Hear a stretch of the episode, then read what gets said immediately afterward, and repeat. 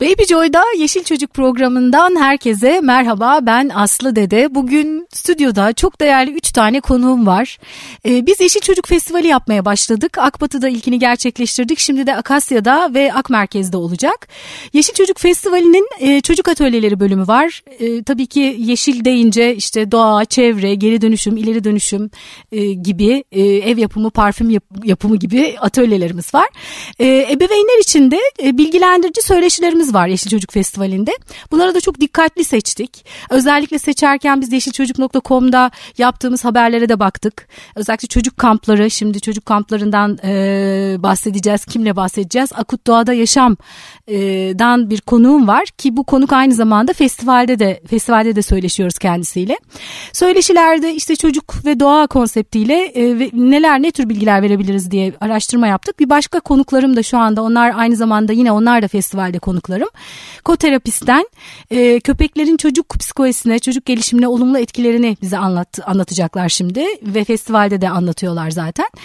E, bunun dışında e, festivalde bir de organik pazarımız var. Yani festivalimizin bir bölümünde çocuklar atölye yapıyor, bir bölümünde ebeveynler için e, yararlı bilgiler var. Doğa ve çevreyle ilgili, yeşil yaşamla ilgili, ekolojiyle ilgili. Bir bölümünde de organik pazarımız var ve bu şekilde devam ediyoruz festivalde. Şimdi bugün ben istedim ki e, Akbatı'da zaten konuğum oldu konuklar. E, şimdi Akasya'da ve Ak Merkez'de de olacaklar. Onlarla biraz radyoda da sohbet edelim istedim. Akut Doğada Yaşam'dan e, Serhat hoş geldin. Hoş bulduk merhaba. E, ve koterapistten e, Derya ile Eymen hoş geldiniz. Hoş, hoş bulduk. bulduk. Hoş bulduk. Ee, şimdi ilk önce e, bayanlardan başlayalım mı?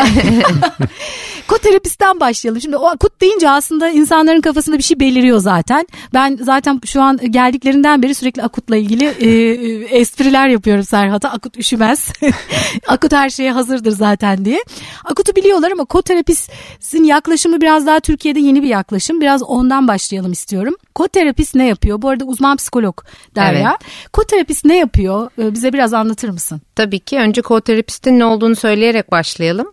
Koterapist yardımcı terapist demek, co-pilot gibi ee, ve biz hayvanların özellikle köpeklerin ve kedilerin çok e, yardımcı olduklarını birçok konuda ve çok şifacı olduklarını düşünerek yola başladık. Ee, ben kendi adıma konuşacak olursam hayvanlarla etkileşimin nasıl benim psikolojik durumumu, insanlarla ilişkilerimi iyiye iyiye e, yönelik olarak düzelttiğini keşfedince bir de ben de insanlarla çalıştığım için bunu neden e, bütünleştirmiyoruz diye araştırmalar yapmaya başladım. E, çoğunlukla yurt dışında olan çalışmalara baktığımda özellikle otizmli çocuklarla ya da gelişimsel sıkıntıları olan çocuklarla yapılan çalışmalara denk geldim ve buradaki çalışmalarda ve videolarda gördüğüm şeyler hep e, çocuğa odaklı oldukları ve köpeğin orada daha çok bir nesne ya da aracı olarak kullanıldıklarını gördüm. Böyle yapmayanlar da elbet vardır ama yani benim denk geldiklerim onlar olunca e, Eymen de uzman köpekle yaşam danışmanı doğru söyledim değil mi? Doğru. e, onunla konuştuğumuzda aslında köpeklerin de ikili iletişimde çok e, şahane geri bildirimler verdiklerini ve bu benim denk geldiğim çalışmalarda bunların çok e, göz ardı edildiğini e, fark ettim. Ama ben köpekle e, çalışmada uzman olmadığım için köpeklerin dilini tercüme edecek e, uzmanla beraber çalıştığımızda iki disiplini bir araya getirdiğimizde daha verimli sonuçlar alacağımızı düşündük. Evet, evet. Peki şimdi köpekle yaşam danışmanı ne demek? Şimdi psikolog deyince daha iyi anlıyoruz da şimdi o ne demek? ee, benim hayatım köpeklerle başladı bir şekilde çocukluğumdan beri. Uzun yıllar kurumsal şirkette çalışınca ilk ciddi karşılaşma kendi evimdeki ilk köpeğim. Balla oldu 2008'de. O zaman hep böyle şunu gördük. Klasik eğitimler Türkiye'de çok fazla kaynak yoktu. Balın sorunları vardı. Ben ona yardımcı olmak istedim ama hiçbir zaman temel itaat değildi ihtiyacım olan. Ee, bir köpek evde nasıl yaşamalı? Şehirde nasıl adapte olmalı? İnsanla yaşamayı nasıl öğretebiliriz?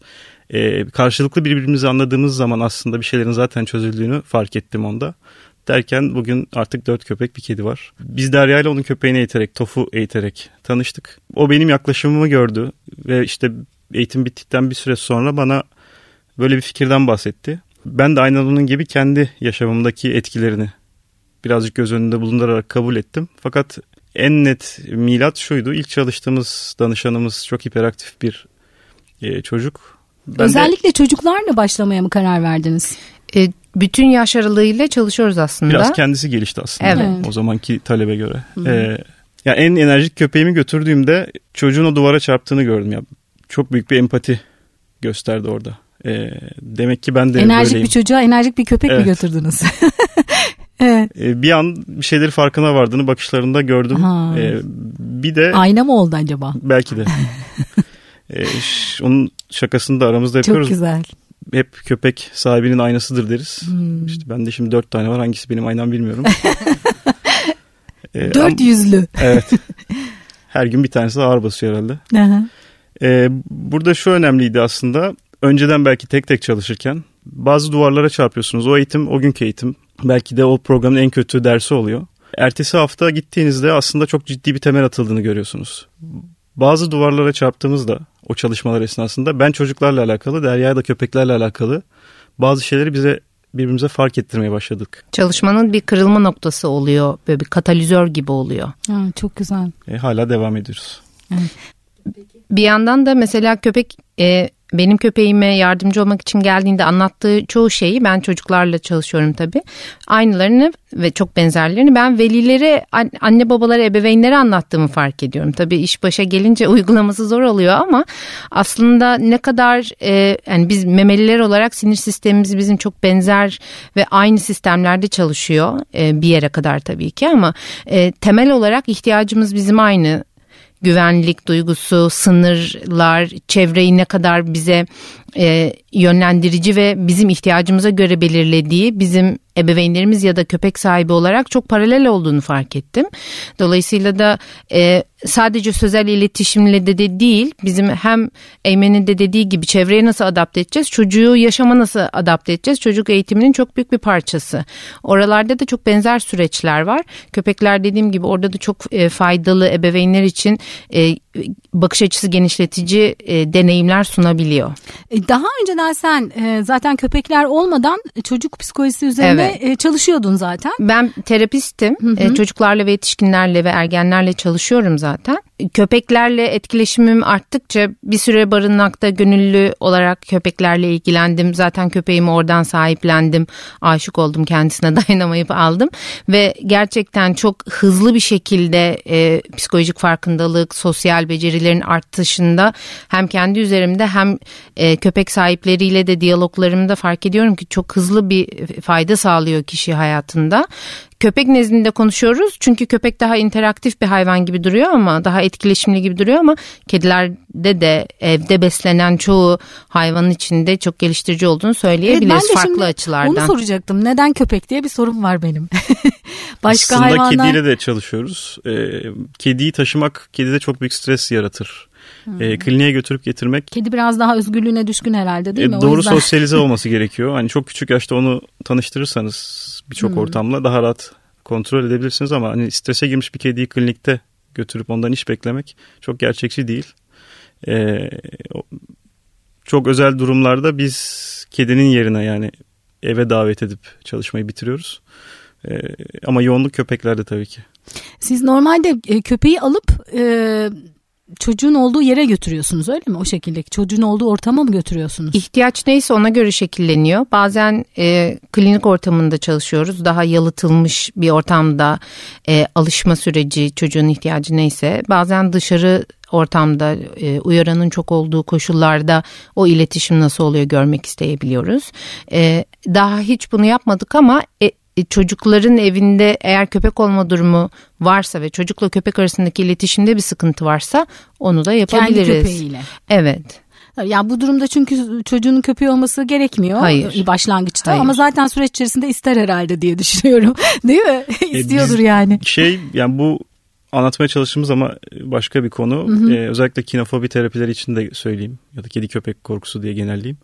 Ee, bayağı cesaretle çıkıp artık her kediye köpeğe yaklaşabiliriz gibi e, klinikten ayrılan insanlara diyoruz ki yani kedi köpek hayvan öyle bir şey değil. Her gördüğünüzün üstüne atlamayın gene de. Ee, bunu aynı şekilde eve de uyarlamak istiyoruz. Hani işte danışmanlık sorusunun en büyük cevabı bu. Hala köpek e, akılda başka bir yerde. E, robot makine değil kesinlikle. Oyuncak hiç değil. O yüzden özellikle Türkiye'de e, 15 yaşına kadar başında bir yetişkin olmadan ne kadar da emin olursanız olsun hiçbir hayvanla yalnız bırakmamak çok önemli. E işte yani bu çok önemli aslında. bu arada aklıma hemen sizi dinlerken şey geliyor. E, Mutluhan İzmir benim çok sevdiğim bir psikiyatrist. Yaramaz çocukları ilaçlamayın diye bir kitabı var. Onunla mutlaka buluşturmam lazım. Sizden bahsetmem lazım ona. Çünkü konuğum oldu benim o burada. Ve özellikle hiperaktiviteyi hani bizim şey gibi kullandığımızı artık hani depresyondayım artık herkes birazcık canı sıkılsa da depresyondayım diyor ya. o da hani hiperaktivite içinde hani çocuk biraz yaramazsa hemen hiperaktivite e, hiperaktif diyor anne babalar, ebeveynler ya da işte e, doktorlar ilaç tedavisine yönelebiliyor. E, o ilaç tedavisi en en en en en kritik durumda belki önerilebilir ama onun dışında çok daha farklı yöntemler var diye konuşmuştuk. İşte bunlardan biri de belki bu. Yani biz ne yazık ki tabii yine o programda konuştuğumuzda hani böyle kısa dönem kısa süreli çözümler hem kendimiz için hem çocuklarımız için çabuk halledelim, e, çabuk çözelim. E, istediğimiz için daha kolay pratik yöntemlere, hayatımızı kolaylaştıran yöntemlere gidiyoruz. Ama bu tür e, sorunlarda biraz emek vermek gerekiyor, zaman vermek gerekiyor, dikkat etmek gerekiyor. O yüzden de e, hakikaten yaptığınız çok güzel bir şey. Şimdi biraz biz zaten e, AVM söyleşilerinde de yani Yeşil Yaşam, e, Yeşil Çocuk Festivali söyleşilerinde de bu konuyla ilgili sorular alıyoruz. Yani siz anlatıyorsunuz, ebeveynler soruyorlar. Özellikle evde kedi köpek beslenmesi ebeveynler için çok önemli bir konu. Çünkü genelde çocuklar istiyor ve soru onu anne babalar bakıyor. Çocuklar bırakıyor ondan sonra sadece başta bir hevesle istiyor. Dolayısıyla bu yüzden de çok dikkatini çekiyor ebeveynlerin. Yani sadece bir sorunu olması gerekiyor değil mi? Yok yani, kesinlikle. Lazım. Aynen. Yani bu bahsettiğiniz durum bir sınırını nasıl koyacağını bilemeyen bir ebeveyn tutumu olabilir. Bu çocuk yetiştirme sürecinde de etkili oluyor. Yani çocuğun her istediğini yapmaktan bahsetmiyorum ama hayvan çok faydalı, çok şifalı evet ama çok büyük sorumluluk, çok büyük e, sonuçlar doğurabilecek bir şey. Dediği gibi o bir robot değil, o bir canlı. Onun da ihtiyaçları var. O da bir organizma. Bizden farklı değiller. Belki biraz daha farklı ihtiyaçları var ama bunu karşılayabilmesi için çocuk istedi diye al, alıyor olmak e, ebeveynin çocuğunu ne kadar iyi tanıdığı, ne kadar sınır koyabildiği, ebeveynlik tutumlarıyla da çok bağlantılı bir konu. Bir sorun olmasına gerek yok ama sınır koyamamak da sorun yaratabilecek bir temeldir. İşte en önemli şey yetişkinlerin kendi özel hayatlarında da çocukları içinde sınır koyma meselesi çok önemli. Ee, özel köpekler ve özellikle kediler bize e, karşı tarafın alanına saygı göstermeyi ve sınır koyabilmeyi ve sınıra saygı duymayı çok öğretiyor. E bu da aslında çocuğun e, yetişkin olduğu zaman insanlarla iletişimine de çok büyük katkı sağlıyor tabii. En önemli şeylerden biri belki de. Kesinlikle e, Nasıl her köpeğe aynı davranamıyorsa her kediye her insana da aynı şekilde e, yani değil davranmasa mi? iyi olur iyi tabii. Olur. Sınırlarını ona göre koysan. Evet. Çok güzel bir şey. E, bu benim de çok ilgimi çekti kendi adıma. Kişisel gelişimim için. E, peki e, çok teşekkür ediyoruz aslında bizimle e, Yeşil Çocuk Festivali'nde de birlikte oluyorsunuz. Güzel bilgiler paylaşıyoruz.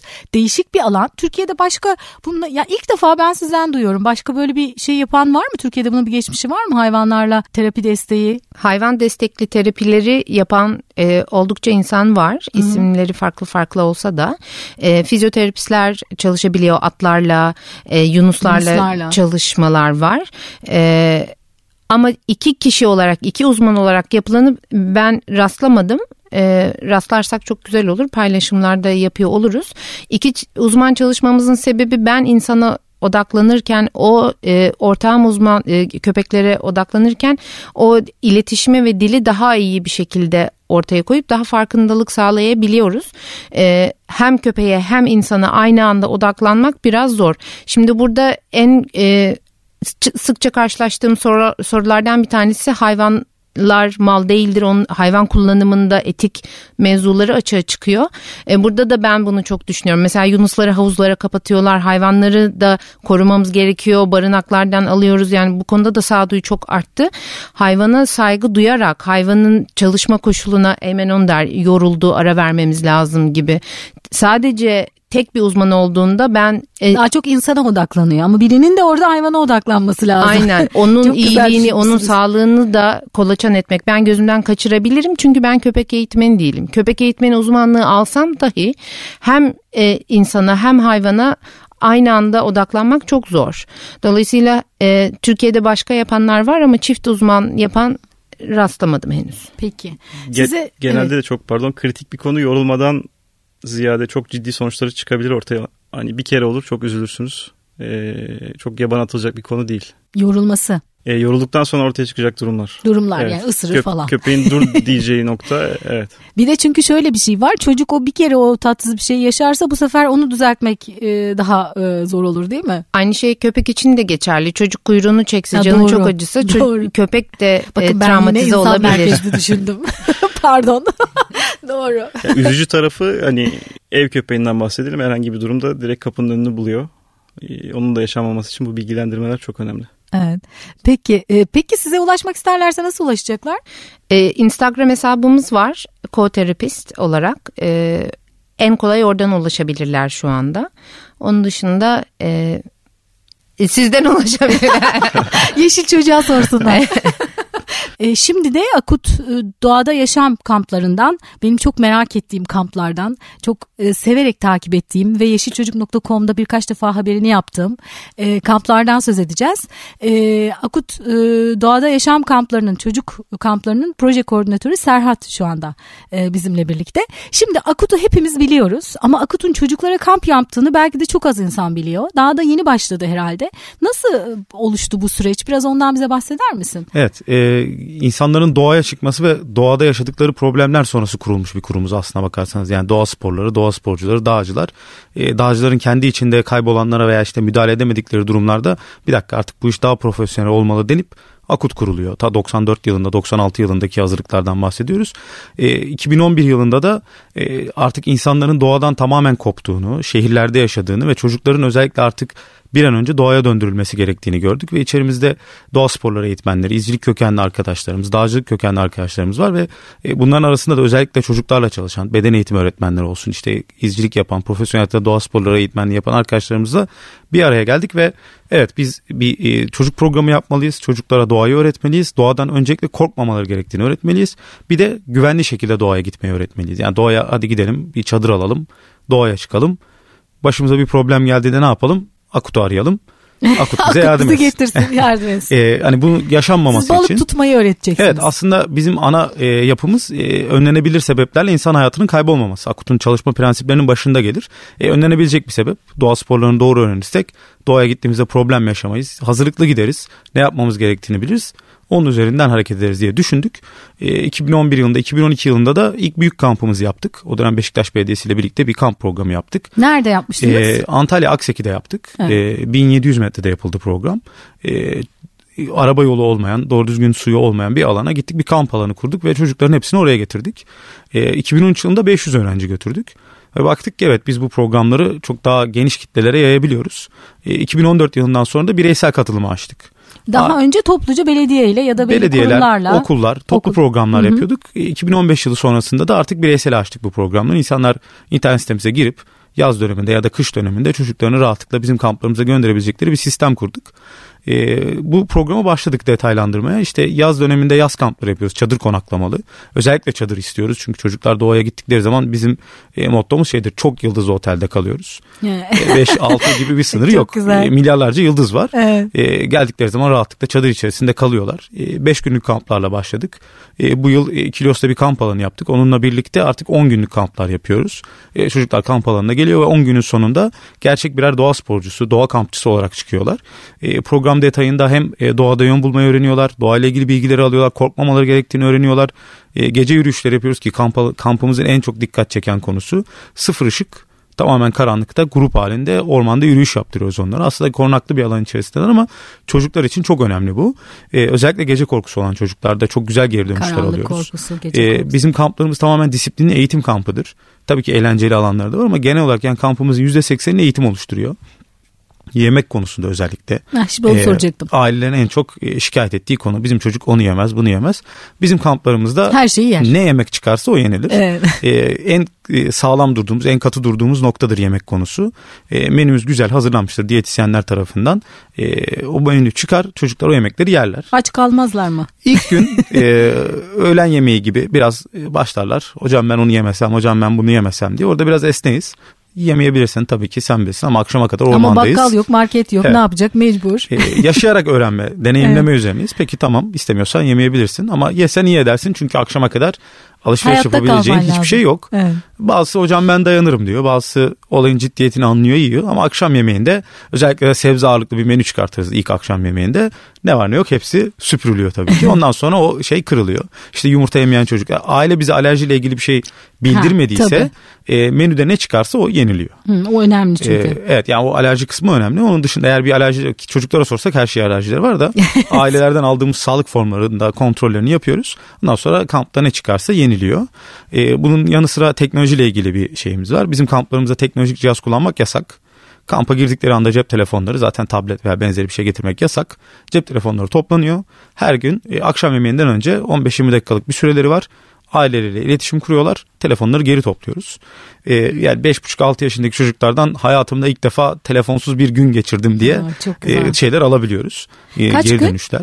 E, şimdi programlar değişiyor. Onları ayrıca konuşacağız. E, onların evet. üzerinde konuşuruz. E, farklı farklı konseptler var. Yaş gruplarına göre günler değişiyor. E, bu, Şundan dolayı sordum. Yani kaç gün o e, telefonsuz ve tabletsiz yaşamayı deneyimliyor? Aşağı O- yukarı bir beş gün var değil mi? e, minimum? minimum 5 gün. Aha. Maksimumda hafta da 10 sonu güne kampları kadar. Hafta sonu kampları belki. biraz daha anne baba e, ve çocuğun iletişimi üzerine kurgulandığı için orada telefon engelini çok fazla kullanmıyoruz. Çocukların telefonlarını toplamıyoruz. Zaten yanlarında ebeveynleri var. E, ancak kullanımlarını kısıtlıyoruz hafta sonu programlarında. Oradaki ana kurgumuz e, özellikle işte çalışan anneler, çalışan babaların çocuklarla birlikte doğada bir gün geçirmesi.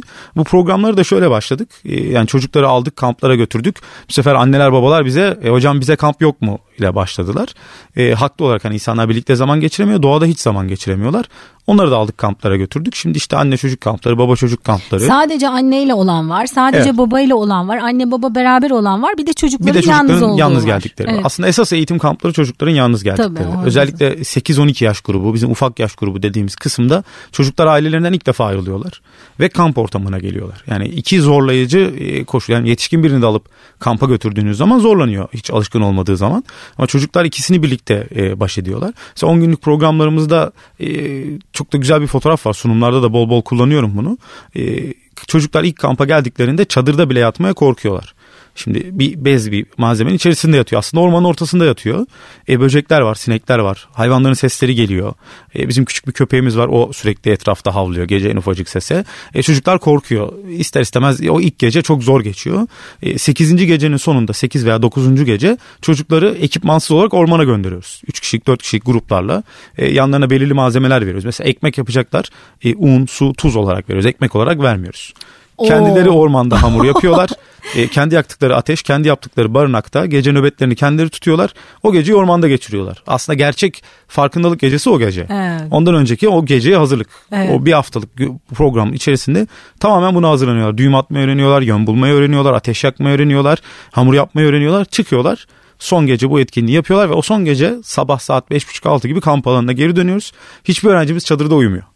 Çok güzel. Çadırın kapısında herkes dışarılarda Çok güzel. doğaya tamamen kendini kaptırmış bir şekilde e, orada rahat bir şekilde yatıyorlar. Sanki evde yatarmış gibi. Bol bol böyle fotoğraflarım var elimde. Tabii. Ondan sonra bunları E, bir Derya araya girmek istiyor. Tabii. Lütfen. Bir şey sormak istiyorum ben. Sonra şehre döndüklerinde neler yaşadıklarına dair geri bildirimler alıyor musunuz? Travmaya, travmaya geçiriyorlar mı? İyi bir uyku çekiyorlar. Şok gibi şoka giriyorlar. Yani şöyle burada e, o bir hafta 10 günlük program aslında bir e, farkındalık. Sonrasında iş aileye dönüyor. Biz e, aslında bir büyük bir aileye dönüşüyoruz. Akut Doğada Yaşam Projesi'ndeki katılımcılarımız ve ailelerimiz de büyük, büyük bir e, aileyiz. E, bizim 7 kampını tamamlamış öğrencimiz var artık yardımcı eğitmenliğe başladı. Ailesi onu bizim yanımıza gönderiyor. O artık yeni gelen öğrencilere eğitim yapıyor. Böyle de bir döngümüz de var kendi içimizde. Ailelerle de iletişimlerimiz devam ediyor. E, iki sene önce e, Marmaris'te yaptığımız bir kampın sonrasında e, kamp bitti. Çocuklar döndü. İşte pazartesi sabah telefonu açtım. E, Veli arıyor. Ve tepki şuydu. Hocam siz bu çocuğa ne yaptınız? Açıkçası çok korktum. Yani böyle ensemden bir ter aktı. Eyvah. Dedim ne oldu? Hani bir şey bir şey mi olmuş? Ne olmuş yani? Ne nedir? Ee, annesi dedi ki yani bu çocuk odasını toplamazdı. Yatağını dahi toplamazdı. Sabah uyanıyor, yatağını topluyor. Gece biz odasına gönderemezdik. Bütün koridorların ışıkları yanardı. Tuvalete gidemezdi. Akşam dışarı çıkıyor. Rahat rahat odasında yatıyor. Siz bir hafta o zaman beş günlüktü kamplar. Bu Başka bir bir haftada terapi bu da. ne yapmış olabilirsiniz dedi. Aslında burada terapi yapan doğa. Doğa. Biz çocuklara aslında evet. kendi iç, iç güdüs- güdü- güdüsünün yansımasını veriyoruz. Yani onları doğaya getiriyoruz.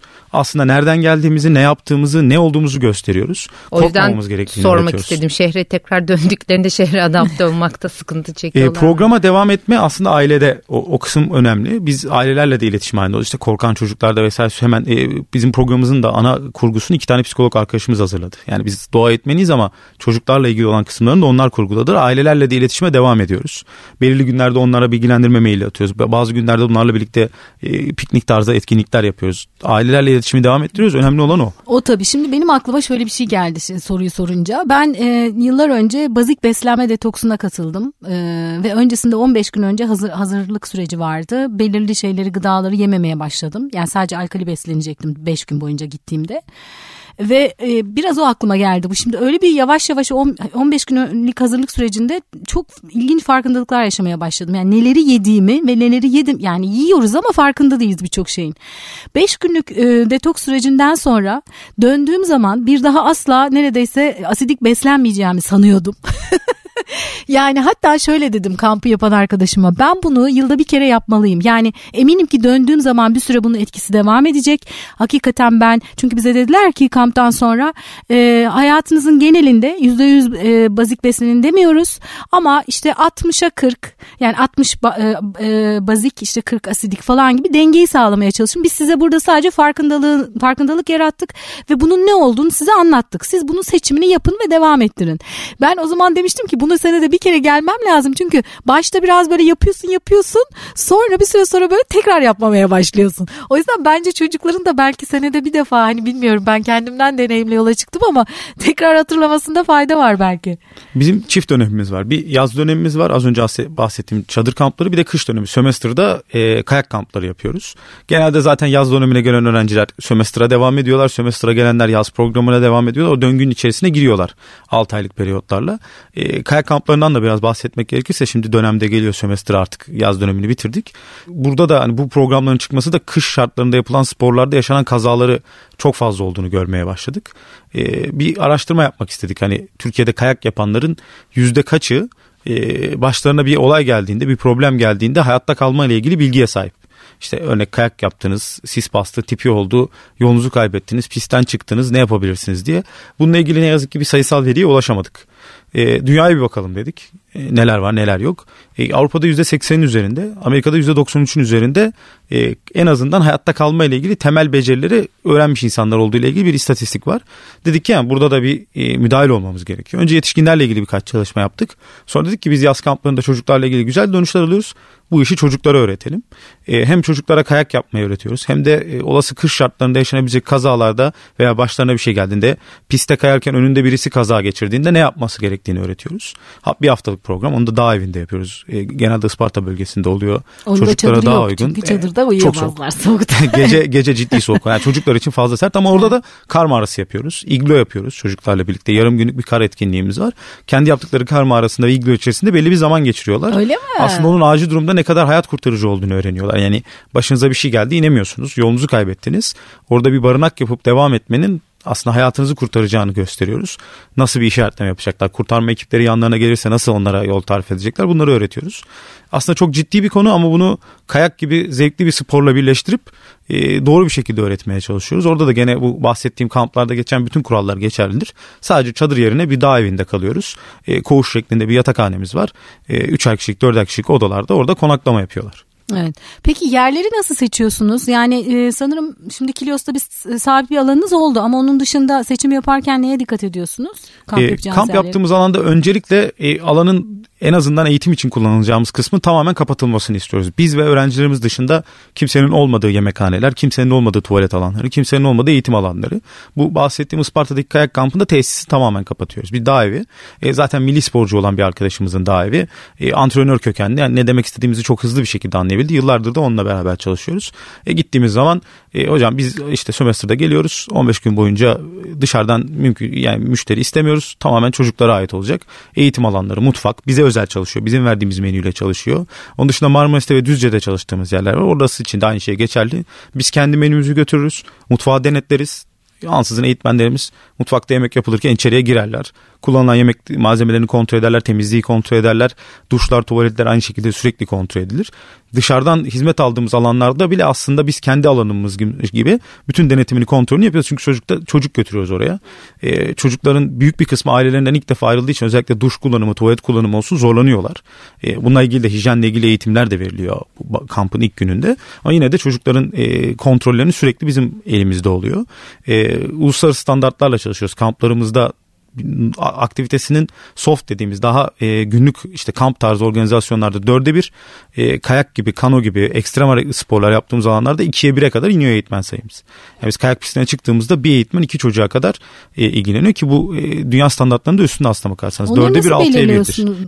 Yani eğitmen seçimi nasıl yapılıyor? E, bir kere öncelikle eğitmenlerimizin tamamı akut gönüllüsü. Akut Arama Kurtarma Derneği'nde gönüllü arama kurtarma eğitimlerini almış. Bizim birebir tanıdığımız, birebir çalıştığımız derneğimizin gönüllüsü arkadaşlar.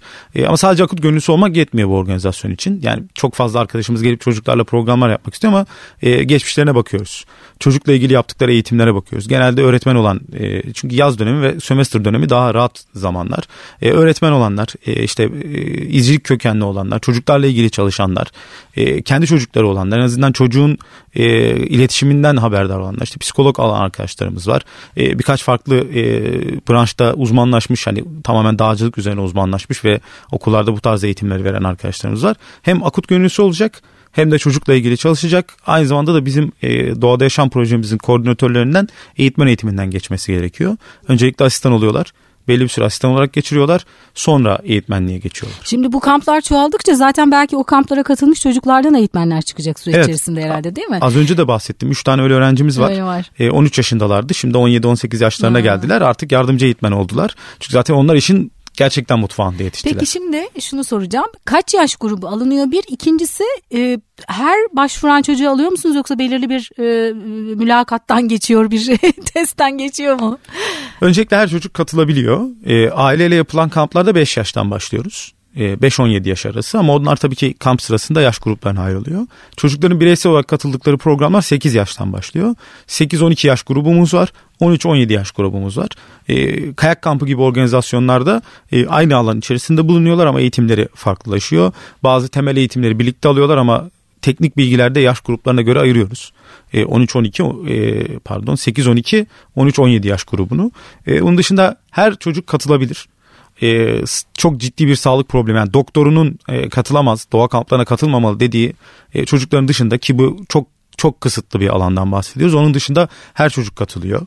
E, katılmasında da fayda var. Hani benim çocuğum sporcu, benim çocuğum zaten doğaya giden gidiyor diyenlerden benim çocuğum yerinden kalkmıyor.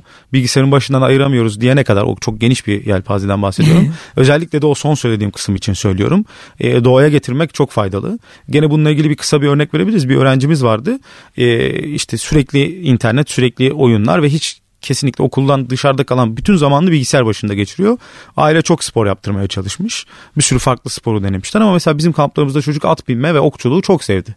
Şimdi spor denince hep akla belli sporlar geliyor. İşte salonlarda yapılan sporlar, sporlar futbola gönderebiliriz, baskete gönderebiliriz. İşte yeni yeni jimnastik ve benzeri şeyler ama e, biraz denetmek gerekiyor aslında çocuklar. Yani benim çocuğum sporu sevmiyor cevabı çok doğru bir cevap doğru. değil. Peki o zaman sizin kamplarda bu alternatifler var. Onların içinden seçmece mi yapıyorlar? Nasıl oluyor? Şimdi at binmek, okçuluk falan deyince çok büyük, geniş bir Geniş bir kamp programımız var aslında. Yani e, 10 günden bahsediyoruz. 10 günlük programların içerisinde farklı disiplinleri de dahil ediyoruz. İşte Çocuk deniyorlar yani. Deniyorlar. Hangisini Mutlaka seversen. her programı yaptırıyoruz. Yani kanoya çıkıyoruz. E, yarım güne yakın kano yapıyorlar. Kürek çekiyorlar, deniyorlar. Bazı çocukların çok hoşuna gidiyor. Bazı diyor ki hocam biz hiç sevmedik işte. Bazı çocuklar at binme saatine geldikleri zaman attan çekiniyorlar. Gene bir şekilde onların iletişimini sağlayıp ata bindiriyoruz. Ama bazısı da çok seviyor. Hocam ben bunu çok sevdim diyor. Ok attırıyoruz.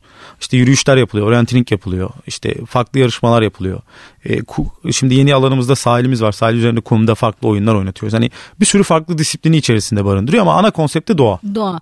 Doğa. Peki e, minimum e, kayıt e, şeyi var mı? Yani kaç kaç kişi kamplar Programlar Minimum. değişiyor. Yani her programın kendi minimumu var ama en azından bir 15-20 kişilik gruplar haline getirip yani ateşin başında oturulduğu zaman o kamp duygusunu yaşasınlar istiyoruz. Kızlı erkekli karışık mı? Evet karışık bizim programlarımız. Sonuçta zaten doğanın içerisinde doğaya çıktığınız zaman Dişi e, erkek erkek dişi diye ayrı bir şey yok. Biz Evet. doğayı öğretiyorsak e, onların hepsinin e, doğada ne varsa aynısının bizde de olması gerekiyor. Peki e, ekipmanlar konusu var. Şimdi biz e, AVM'deki festivalde de yani işte Akbatı, Akasya ve Akmerkez'de de işte çadırda çadırın içinde tulumu falan gösterdik. Şimdi ekipmanlar var. Bunları al, alıp mı getiriyorlar yoksa siz orada sağlıyor musunuz? Bizim kamplarımızda ekipmanları biz sağlıyoruz. E, sadece kişisel kullanım ekipmanlarını yanlarında getiriyor. İşte terlik, yedek kıyafet, ikinci bir ayakkabı, işte güneş gözlüğü yaz dönemine göre ise şapkası, saati gibi kişisel kullanım eşyalarını getiriyorlar. Temizlik malzemelerini getiriyorlar, kişisel bakım malzemelerini. Onun dışında geri kalan her şey kamp tarafından veriliyor. Hmm, evet. Ee, peki şimdi bunlar konuşulunca böyle çok pahalı şeylermiş gibi geldi bunlar biraz e, kulağa. Yani fiyatlar e, ne, nasıl? Şöyle e, şuradan bakmak gerekiyor. Bir çocuğu bir kursa gönderiyoruz. Bir saat iki saatlik bir kursa gönderdiğimizde o bir saat iki saatlik programda harcadığımız rakamı bir gün boyunca e, çocuğunuzla sürekli olarak ilgilenen eğitmenler, yediği yemekler, e, orada kullanılan bütün ekipmanlar neredeyse iki saat üç saatlik bir e, eğitim kurs parasına bütün günü geçiriyor çocuklar. Aslında çocuğunuza verebileceğiniz en değerli şey he- hediyelerden biri. Ona göre ayarlayın diyoruz. Evet. Var mısın sorunuz başka? Peki nasıl ulaşacaklar? E, akutdoğadayaşam.com internet sitemiz E, veya Google'a akut kampları diye yazdıkları zaman rahatlıkla çıkıyor. Bütün Ge- sosyal mecralarda da gene akut doğada yaşam şeklinde aradıkları zaman e, bulabilirler. İnternet sitemizde bir iletişim ka- e, formumuz var. Orayı doldurdukları zaman mail listemizin içerisine giriyorlar. Öncelikli olarak kendi kamp yaptığımız öğren yani biz kamp programlarını açtığımız zaman biraz talepten dolayı hızlı bir şekilde dolabiliyor. Öncelikle o kendi eski velilerimiz sonra mail listemizde olan veliler ondan sonra sosyal medyaya duyuruyoruz. E, çünkü öbür türlü biz eski veliyiz dışarıda kaldık diye ciddi tepkiler alabiliyoruz. E, sıralamamız bu şekilde o mail formunu doldururlarsa e, kamplardan hızlı bir şekilde haberleri Zaten olur. internet sitesinde kampların gelecek kamplarla ilgili bilgiler de Evet, var. Biz evet. de işte çocuk.com'da ve sosyal medya hesaplarında elimizden geldiği kadar duyurmaya Teşekkür ediyoruz, çalışıyoruz. Var bir sürü kamp var aslında ve şu anda doğa kampları e, çoğalmaya başladı. Ben de çok sevinerek e, duyurmaya çalışıyorum. Ama tabii e, bunu m, akut deyince de insanda bir güven oluşuyor. Yani onlar yaparsa iyi yapar gibi. Ve şimdi anlattıklarından da bir kez daha anlıyorum ki hakikaten bu işe çok profesyonel yaklaşıyorsunuz ve e, fark yaratıyorsunuz. E, tahminimce öyle gözüküyor. Dolayısıyla güvenerek de çocuklarımızı yollayabiliriz. Teşekkür ederiz. Elimizden geldiğince Akut'un e, o güvenilirliğini kaybetmemek adına bütün gücümüzle çalışıyoruz. Yani Akut'a nasıl bir bağ var fonksiyonel olarak düşünürsek? E, Akut Arama Kurtarma Derneği'nin iktisat işletmesi tarafından yapılıyor kamp programları. Dolayısıyla buradan elde edilen gelir de e, işte günlük harcamalar dışarısında çıktıktan sonra kalan gelir e, Akut Arama Kurtarma Derneği'ne aktarılıyor ve buradan elde edilen gelirle operasyonlar ve eğitimler yapılıyor. He. Aslında bir yandan da sosyal sorumluluk e, projesi, projesi, olmuş oluyor. oluyor. Çok güzel. E, biz de işte İş Çocuk Festivali'nde bize bilgilendirdiğiniz için çok teşekkür ederiz. Festivalde mümkün o kadar ebeveynlere bunu ne kadar çok kişiye anlatabilirsek o kadar iyi olur diyoruz. Çünkü en güzel ilaç e, aslında doğa değil mi? Kesinlikle, Kesinlikle öyle. Ve e, doğayı birlikte paylaştığımız diğer canlılar.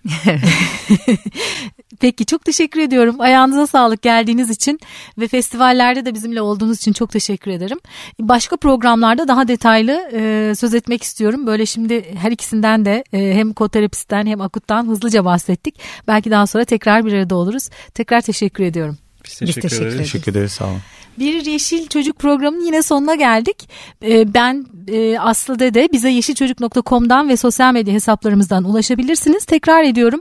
Akasya'da 6-7 Ekim'de 2 gün boyunca cumartesi pazar söyleşilerin olduğu, atölyelerin olduğu ve organik pazarın olduğu bir festivalimiz var. Ak Merkez'de de 20-21 Ekim'de olacak yine aynı e, içerikle.